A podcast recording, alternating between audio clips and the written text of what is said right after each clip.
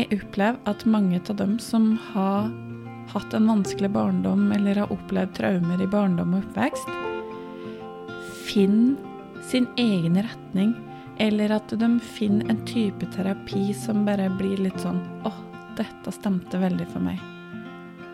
Og en av dem er Selina, som jeg skal prate med i dag, og som har gått i retningen psykosynteseterapi.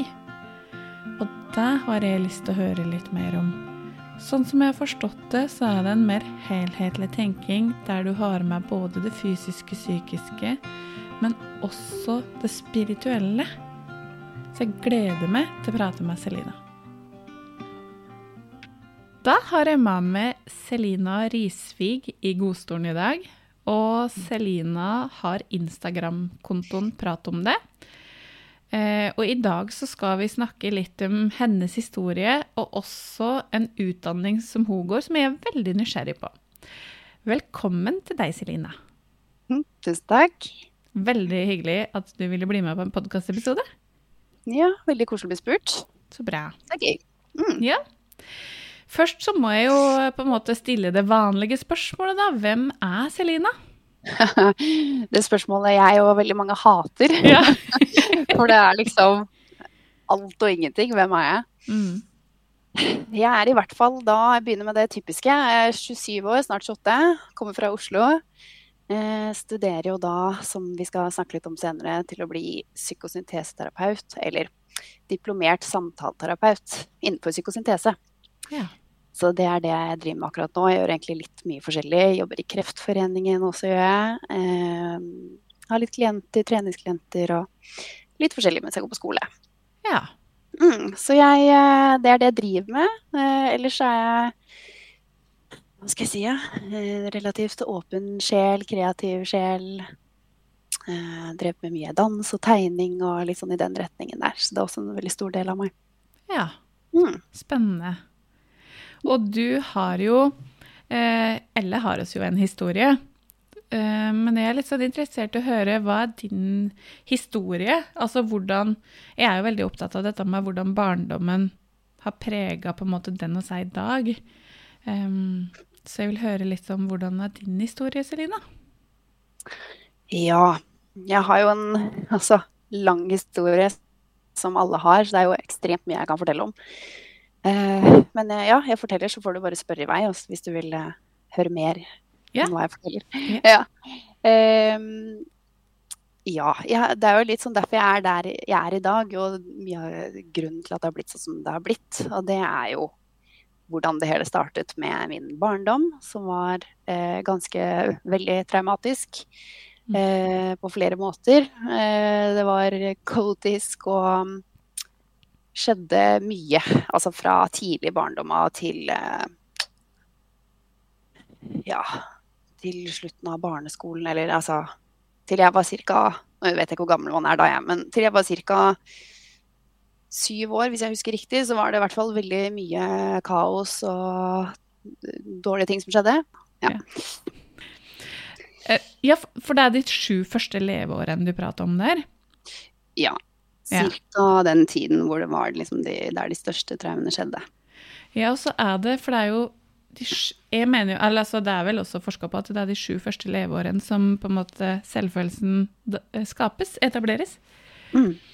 Så det var jo eh, kanskje ikke et eh, sånt At du trakk det lengste strået der, da. Nei, det er det. Det er jo de årene som er mest Altså de viktigste årene for å etablere jeget og Ja. Alt innenfor, på en måte, der det blir Altså underbevisstheten blir programmert og alt. Så, Mm. så det var jo sånn perfekt timing sånn sett. ja. Um, så ja, det var, det var i de årene liksom alt, hvis jeg skal si det sånn, mye av det skjedde. Etterpå, opp gjennom ungdomsårene og til ung voksen, hvor jeg sleit da, mye. Mm. Um, så det jeg på en måte anser som det største traumet mitt, blant flere ting, er eh, at eh, jeg hadde en stefar i den perioden som var altså, psykopat, rett og slett. Han var eh, ikke helt uh, frisk. Nei. Så det var veldig mye utrygghet hjemme. Eh, mishandling, manipulering, psykisk, fysisk eh, greier, vold. Eh, Veldig sånn merkelige ting som skjedde.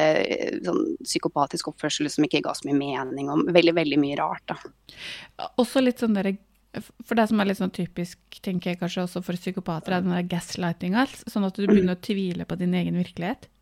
Mm. Ja.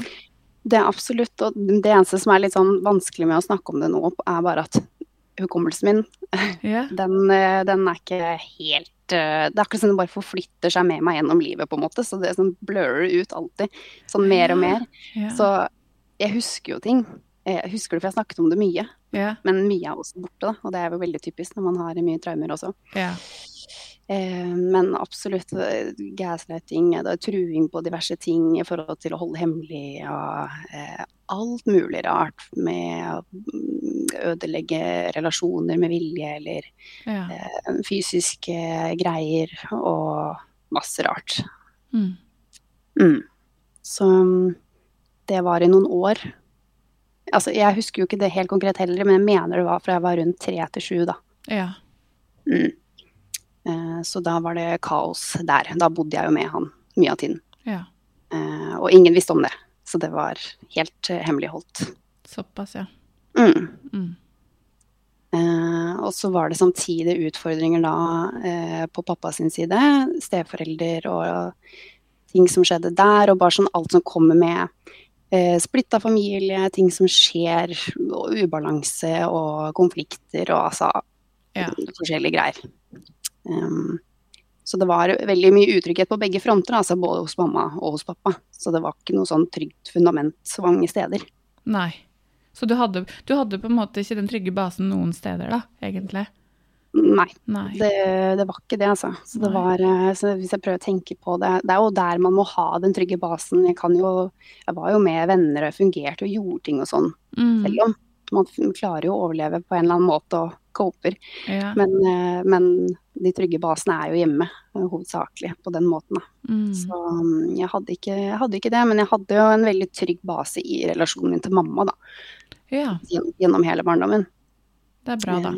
Mm, så det, det var veldig viktig, tror jeg, altså at jeg hadde det ankerpunktet der. Og Mm. så, eh, men selvfølgelig da i periode, de årene hvor jeg ikke fortalte hva som skjedde til henne engang, så kunne ikke hun engang vite det, eller eh, være en del av det. Så der var jo Så det skjedde ikke Sånne ting skjedde ikke når hun var hjemme, sånn at hun, hun visste ikke om det i det hele tatt?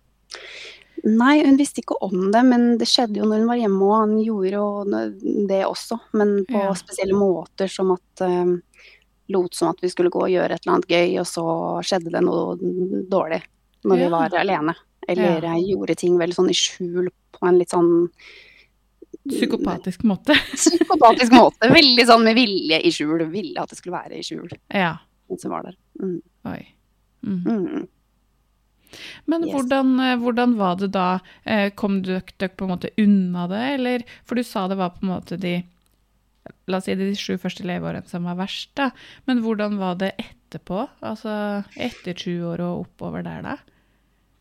Da var det jo, altså sånn jeg husker det, så var det i hvert fall én dag hvor jeg bristet, og så fortalte jeg på en måte alt. Ja. Sånn jeg husker det. Veldig blurry, men eh, Og da dro man jo vekk. Da var det jo vekk fra ham. Ja. Og så vet jeg at det var noe politisak og rettsgreier og sånn som ikke gikk gjennom, men det var noe som ikke jeg husker noen ting av, da. Ja. Men um, så etter det så var vi jo ute av hans liv, eller han var ute av vårt liv. Mm. Og da uh, var det jo rett i barne... Altså til barnepsykolog. Um, og jeg husker jo ikke så mye av de årene rett etterpå i det hele tatt, egentlig. Men jeg vet at jeg ble sendt til psykolog. Jeg var, ikke, var veldig sånn stille barn. Ikke si noen ting. Hvilke, Altså, det var vanskelig. Umulig å få meg til å begynne å prate hos en barnepsykolog og sånne ting. Ja. Jeg tenkte bare handla det om at For du, du fikk jo på en måte også beskjed om å sikkert være stille, eller um, være et stille barn, og kanskje også holde kjeft om ting, da. At det var det som gjorde at eh, nei, nå skal jeg ikke At du på en måte ikke har lært å, å si så mye, da. Mm.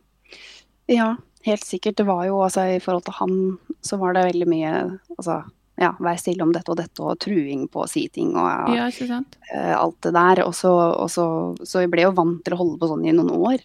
Mm. Og så var det jo sikkert noe med det at bare sånn der, når du har hatt såpass store traumer, så blir du som barn sendt en fremmed person, og så skal du begynne å Ja. så bare blir det helt sånn Det skjer jo ikke. Nei. Um, så ja.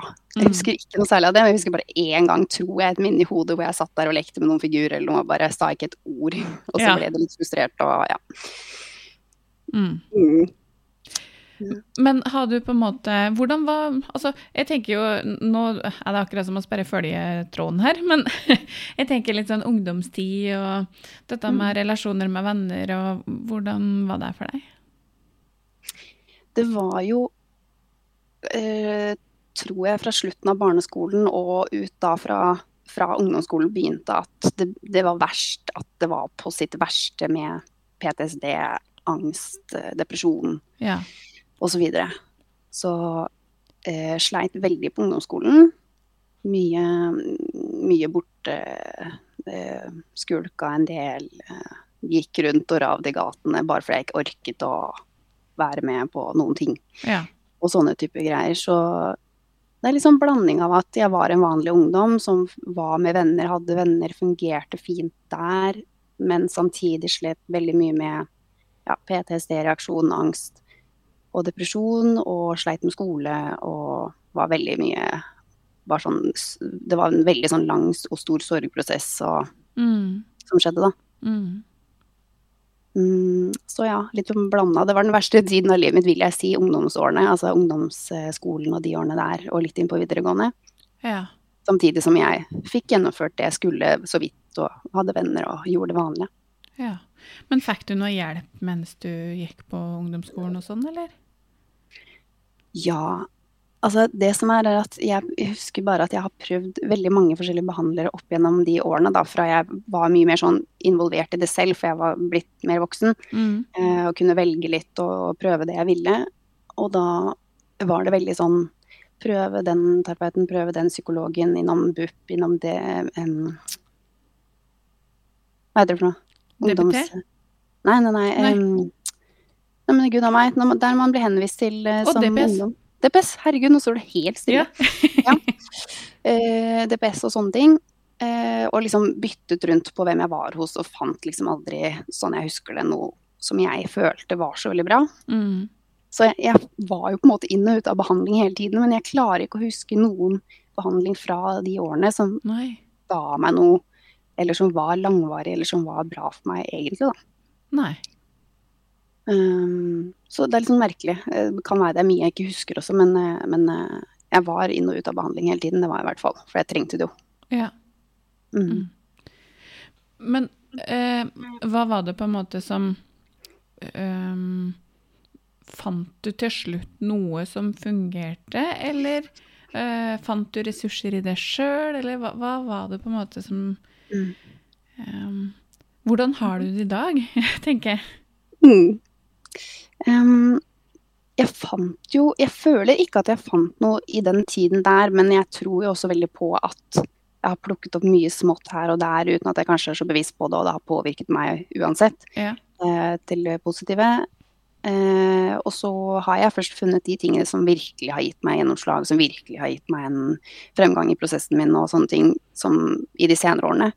Men eh, jeg, jo, jeg har jo hatt en mor som er terapeut, som har gått den skolen jeg går nå. ja.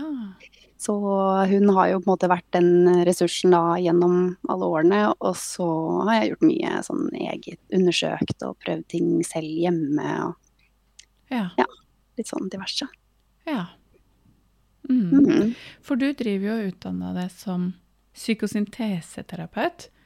Det må, du, det må du fortelle litt mer om, for det er jeg nysgjerrig på. Ja. Så eh, jeg går da på en skole som heter Humanova. Den, eh, den er det ikke så mange som kjenner til. Den er en sånn liten privat skole. Den ligger på Frogner. Um, og jeg studerer da til å bli diplomert samtaleterapeut og innenfor psykosyntese, da. Mm. Eh, så ja, psykosyntese er jo en retning som gjerne kalles eh, psykologi med sjel, eller sjelens psykologi.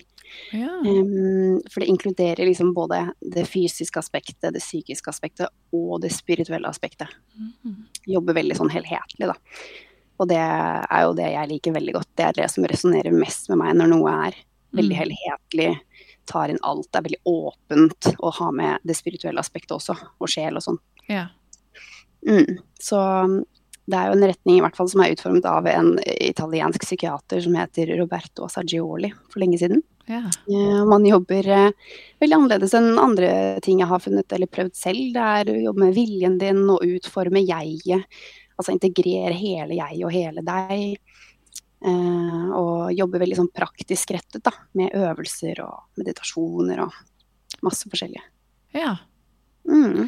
For det er jo litt sånn Jeg tenker jo kognitiv terapi, da, som er, jeg er utdanna kognitiv terapeut, så går det jo veldig på dette med hvordan Altså å jobbe med tanken og å jobbe med atferd. Endre på tanker og endre på atferd. Um, og det er jo Altså alle terapier har vel en form for helhetlig grunnleggende tenkning.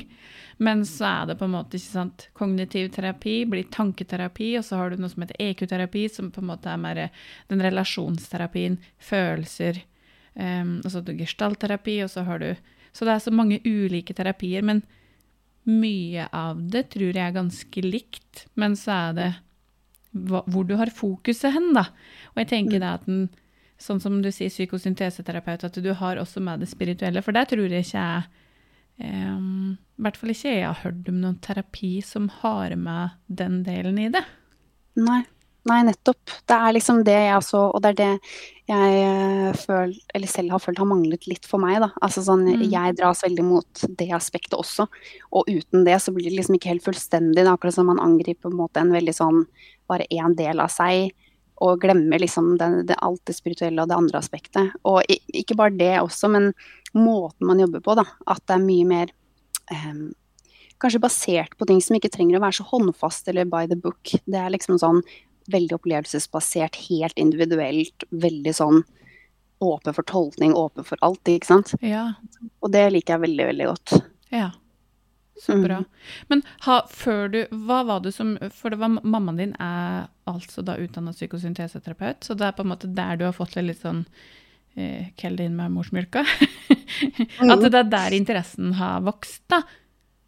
Ja. Mm. Ja, det er absolutt det er garantert der det i det hele tatt kom fra. Ja. Uh, hun gikk der, og så uh, fikk jeg en tanke om at jeg ville gå der når jeg var ganske ung. Jeg vet ikke, jeg var 18 eller ja. noe sånt noe. Da, men da var jeg arbeidsufør og kunne ikke studere og sleit og alt det der. Så jeg hadde ikke mulighet til det før mange år senere, Mm. eh, som, eh, som jeg gjør nå, da. Da. Så det har liksom kommet via henne, og også vært veldig noe jeg har blitt dratt mot, da. ja. Mm. Men um, For jeg har jo jeg har fulgt deg på Instagram og ser jo at det, du prater også en del om dette med ditt indre barn. Og det er jo eh, også det som er fokus i forhold til EQ-terapi. Så det er jo litt sånn Det blir jo sammenlignbart, da. Men er det mye sånn der indre barn-arbeid i den psykosynteseterapien? Mm. Det er, eh, det er e- et av aspektene man jobber med der. på en måte. Man jobber veldig mye med indre barnearbeid og eh, viljearbeid. Og jobber med viljen og um, noe som heter delpersonligheter. Jeg vet ikke helt hvor kjent det begrepet er, men sånn som det er i psykosyntese, det er jo et eget aspekt. Mm. Eh, og andre ting, da, selvfølgelig. Men um, indre barnearbeid vil jeg si er en veldig, et veldig sentralt område i psykosynteseterapi. Og, men kanskje også fordi jeg er, jeg er ekstra sånn, fokusert og dedikert til det, den Ja. delen av det. Så jeg Ja. føler at det er veldig stort for meg. Men det er jo en stor del av psykosyntese i det hele tatt. Da. Ja. Uh, har, du- har du ehm, Er det sånn at når du utdanner deg som psykosynteseterapeut, at du, du på en måte også går i terapi, eller? Yes, Ja. og det er veldig bra at du spurte om det, fordi det er, det er liksom det som er det aller beste med den skolen og den retningen. Og jeg vet ikke, jeg vet ikke hvordan det praktiseres i f.eks. Sverige, hvor det også er eh, egentlig ganske mye større enn i Norge. Men eh, på Humanova da, så er du pålagt å gå førsteåret, som er egentlig bare det, treng, det er sånn som folk går uansett om de skal utdanne seg eller bare vil utvikle seg, Mm. eh, som heter 'Bli den du er'. Og da går du, er du pålagt å gå det første året. hvor du kun fokuserer på deg selv gjennom psykosyntese og alle teoriene og det som er der, med å jobbe med dine ting da, Ja. eh, gjennom ett år. Og det er på en måte eh, grunnutdanningen til å fortsette på noe av det andre de tilbyr. Sånn at de Ja. har det prinsippet at du skal jobbe med deg selv før du begynner å jobbe med andre. Og, og det er jo egentlig en veldig fin sånn eh, fin greie, tenker jeg. For det, det er jo mange som utdanner seg som terapeuter som har en egen historie. eh, og som kanskje trenger å bearbeide eller eh, ha eierskap til historien sin før en på en måte begynner å skal ta inn over seg alt eller andre sitt. da. Ja, ja, ja, ja, det er det. Og det er veldig Altså alt fra sånn som er et veldig stort tema da, når man tar den eh, terapeututdanningen. At eh, altså Grunnen til at man jobber så mye med seg selv, er fordi at det skjer så mye i terapirommet når man sitter med klienter, og du trigges, og det er ting i deg som aktiveres hele tiden. Og for at det ikke skal spille seg ut ubevisst, og at du skal agere ubevisst og sant, hindre jobben din, så, så er det noe med å ha jobbet gjennom alt dette her, sånn at du er, er bevisst på det og kjenner når det dukker opp og kan Mm. håndtere det. da. Mm. Det jo Mm. kjempefint. Mm. Veldig viktig. Jeg, jeg så jo eh, I dag, tror jeg det var på Story, så delte du en sånn derre eh, indre barn-meditasjon. Ja. Eh, jeg har jo aldri prøvd noe sånt før. Og så tenkte jeg jeg kan jo prøve, da. Og så satte jeg meg ned, og så var det dette med å som først gå 10 år tilbake, og så gå 20 år tilbake. Og når jeg da Jeg fikk en litt sånn aha-opplevelse, fordi at eh, em, jeg tror jeg Altså, jeg har en eh, veldig, veldig fin barndom. Um, veldig På en måte Selvfølelsen er grei, da. Det har ikke vært noe sånn å sette fingeren på. Jeg har blitt møtt på en god måte. Og, Em, men når jeg da kom til når jeg var 18, for da 20 år siden, for jeg er 38, så, det, så knakk jeg helt sammen. Når jeg på en måte skulle ta inn den 18-åringen og, og Mm. si at eh, jeg var glad i den, og at dette går bra, og, og sånne ting, så ble det helt sånn Hva skjer nå? Mm. Og jeg vet jo på en måte uh, noe av grunnen til det, men jeg var, ikke, jeg var ikke klar over at det var så Mm. tydelig, da. Ja, ja, ja. Og når jeg da skulle gå tilbake som fireåring i huset, så var det bare trygt og godt. Ja. Og så var det den 18-åringen som var litt sånn Det var så veldig sårt, da. Så det var mm. veldig, veldig spesielt. Ja. Jeg har aldri prøvd noe slikt før.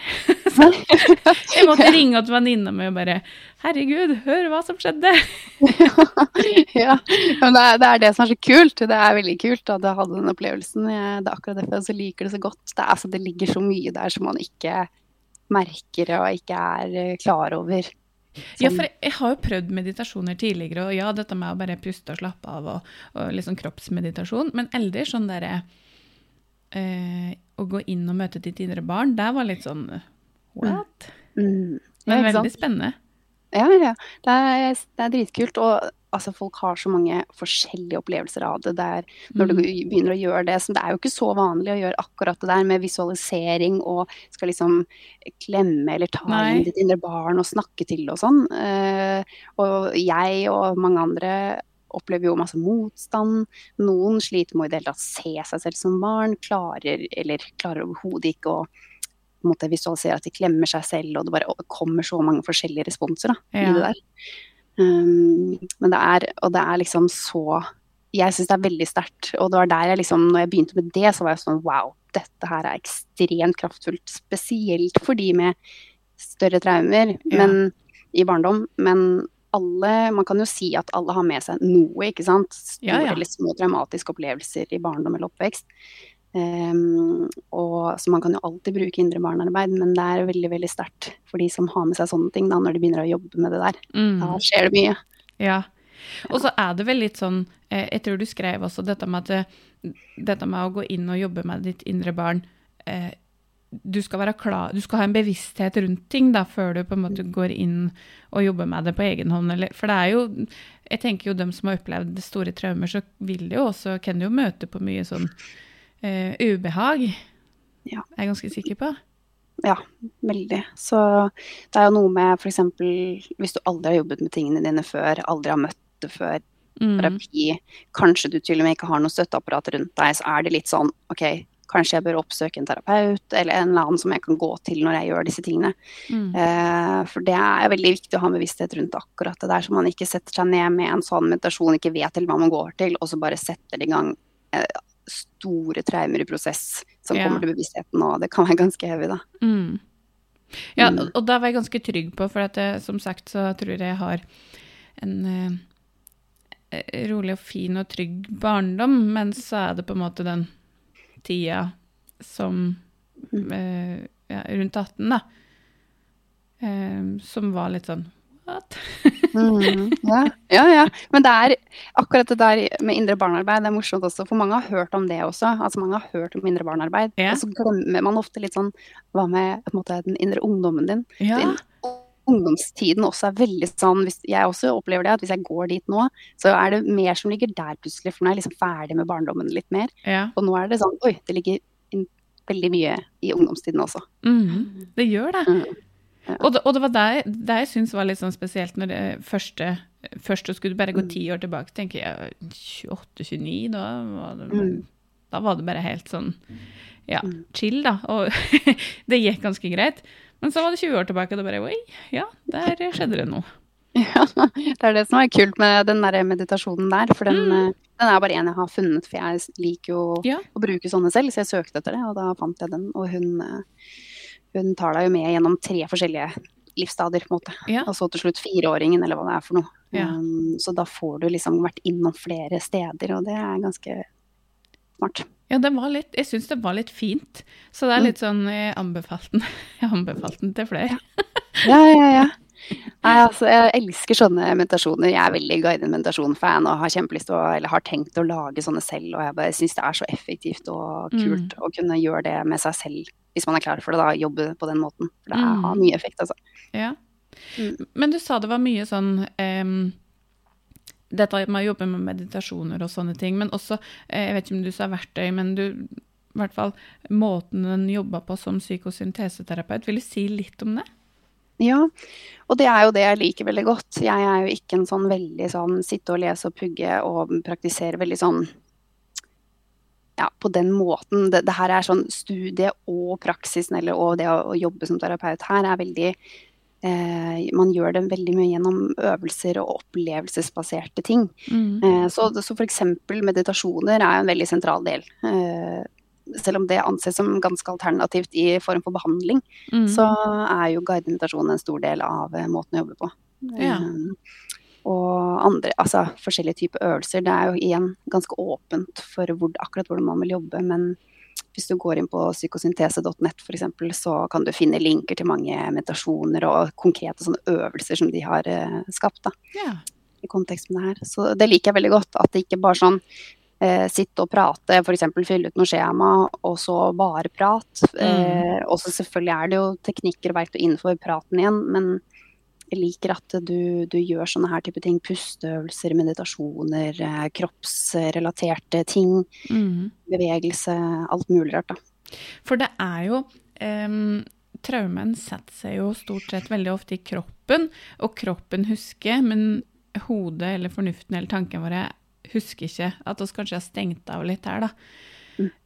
Og da vil det jo ikke hjelpe å sitte og snakke om det, Mm. tenker jeg, men kanskje da koble på mer sånn at du må bevege kroppen, du må gjøre en øvelse, altså noe som gjør at det trigges i kroppen, da, og at kroppen får jobba fram traumen, eller ja. Mm, mm. Ja, det er nettopp det. Traume sitter jo faktisk i kroppen. Altså, Mm. Det er jo Det sitter i nervesystemet, og uten at man kanskje Altså Hvis man ikke lærer dette her, så tenker man ikke så mye over at man kanskje går rundt med et helt uregulert nervesystem, eller en kropp som er helt anspent i fight or flight, eller alt dette her. Og når det kun er den praten, så er det noe med at du, du kan ha mye effekt av det. Du kan komme et stykke av det òg, selvfølgelig. Mm. Eh, Men så det liksom, stopper du liksom opp også, fordi at du tar ikke med kroppen. Og der alt sitter og kan forløses og ja. Mm. Mm. Så spennende. Men jeg lurer litt på um, hvor, hvor, på en måte, hvor er du i dag i din prosess, føler du?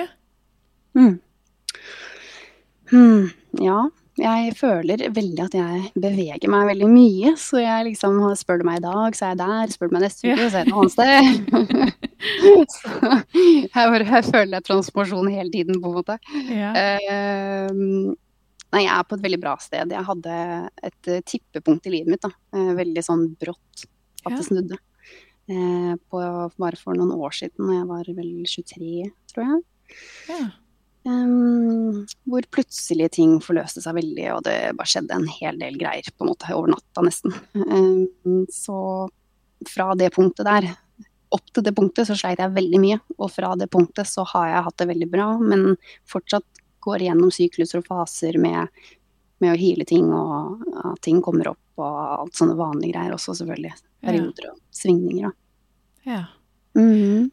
Hva, kan jeg spørre, hva var det tippepunktet? Mhm. Det er jo litt uh, uklart på en måte, men uh, altså jeg hadde jo jobbet masse opp til det punktet, men jeg følte jo ikke at jeg kom noen vei. Jeg følte meg helt stillestående hele Mm. tiden, nesten. Eller at jeg på en måte alltid falt tilbake igjen. Uh, og så vet jeg på en måte ikke 100% akkurat hva som gjorde at det tippet sånn på den måten, men jeg vet faktisk at prevensjonsmidler og hormoner hadde en stor del av det å gjøre. Eh, jeg sluttet på det, og det tror jeg eh, hadde veldig mye å si for at jeg klarte å komme ut av en sånn veldig, veldig tung essens, en sånn tung tilstedeværelse og den depresjonen, på en måte. Mm. Eh, plutselig så hadde jeg på en måte mulighet til å eh, jobbe med meg selv. Før så føltes det som det ikke gikk. Nei. Um, jeg, det er liksom vanskelig. Jeg gjorde jo mange ting, ikke sant. Men rett før så hadde jeg gjort noen forskjellige greier som jeg jo dedikerte en uke til å gjøre affirmasjoner morgen og kveld. eh, Som handlet om trygghet i kroppen, på en måte. Trygghet innvendig. Eh, Så jeg så jo masse på liksom YouTube-videoer og diverse greier, ikke sant. Eh, og så hadde jeg jo kommet Jeg har jo vært innom Humanova den, på den tiden der, og vært på noen sånn gratis kvelder og sånt nå, mindre barnet. Ja. Eh, og så sluttet jeg på prevensjon, og så var det liksom en kveld hvor jeg la meg, og så våkna jeg opp, og så var det sånn Nå ja, i dag følte jeg meg bra. Og så bare slutta det aldri, og så var jeg plutselig bare helt ekstase over bare sånn Shit, jeg har det, jeg har det bra plutselig. Hva, ja. hva skjer? Men så bra. Det, og det er jo litt det der med um, at oss vet oss vet jo ikke helt hva vi dytter i kroppen, tenker jeg da. Um, og, og det at uh, hormoner påvirker jo faktisk ganske mye. Mm, mm, det gjør jo det. Ja.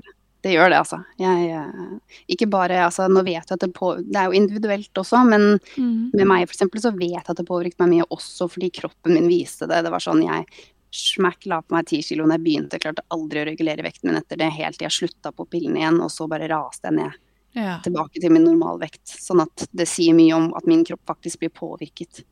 Mye. Mhm. Eh, og det påvirker jo Ja, hormoner er jo, styrer jo veldig mye, da. Altså i hvert fall for kvinner òg. Altså, det, det merkes. Ja, det gjør jo det. Og da kommer en jo også litt inn på dette med kvinne, altså syklusen vår òg? Mm. Hvordan den også påvirker hvordan vi har det, vår psykiske helse og den biten der, da. Veldig.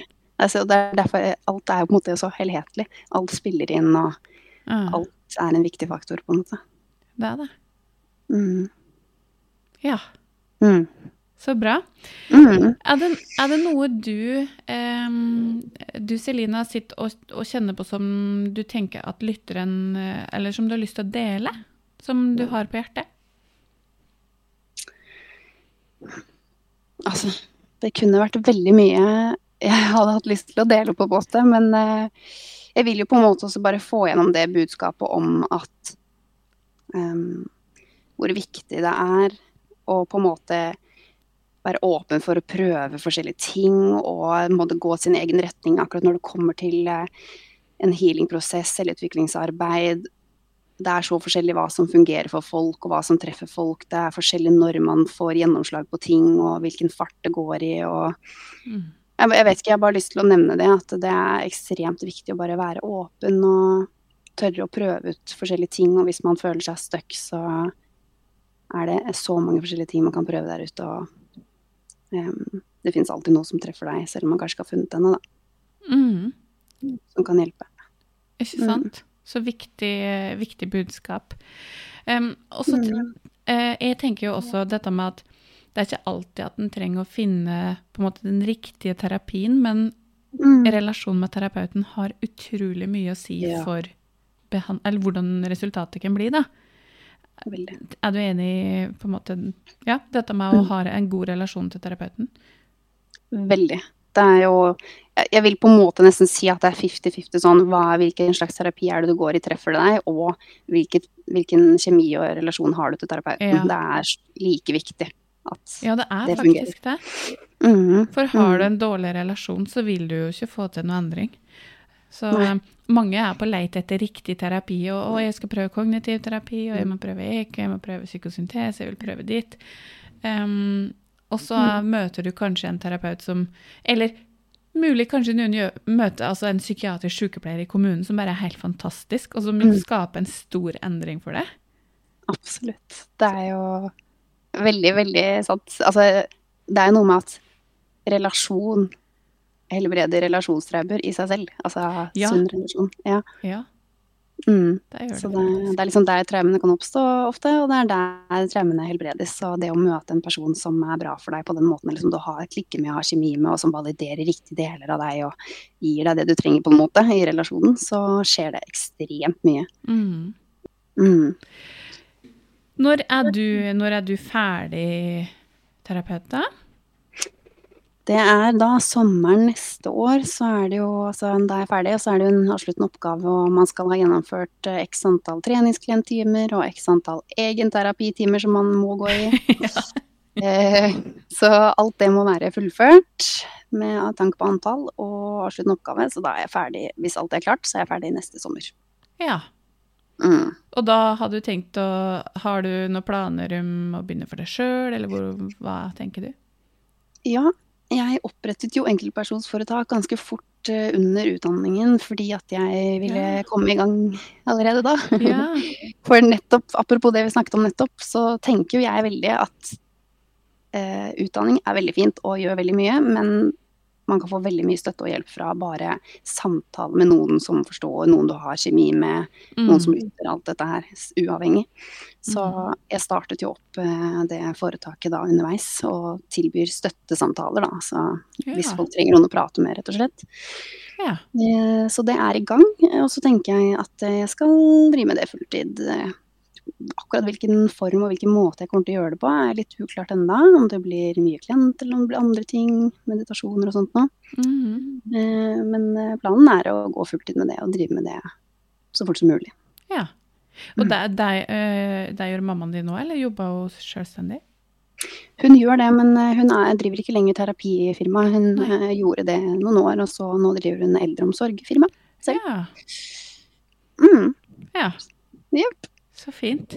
Mm. Vet du, jeg syns det var veldig, veldig hyggelig å, å snakke med deg. Og få høre både din historie, men også dette med litt sånn hvordan du kom deg ut av det, og eh, veien videre, og hvordan du Der du er i dag, da. Mm. Ja, takk. Det var veldig hyggelig å få være med. Ja. Hyggelig samtale. Så Mm. bra. Da vil jeg bare, hvis du ikke har noe, noe mer du har lyst til å dele, så vil jeg bare ønske deg en fin dag videre. Jeg tror faktisk ikke det. Jeg tror jeg har fått sagt det jeg føler jeg trenger. Og så det Ja. samme til deg. Tusen takk. Ha det bra. Ha det.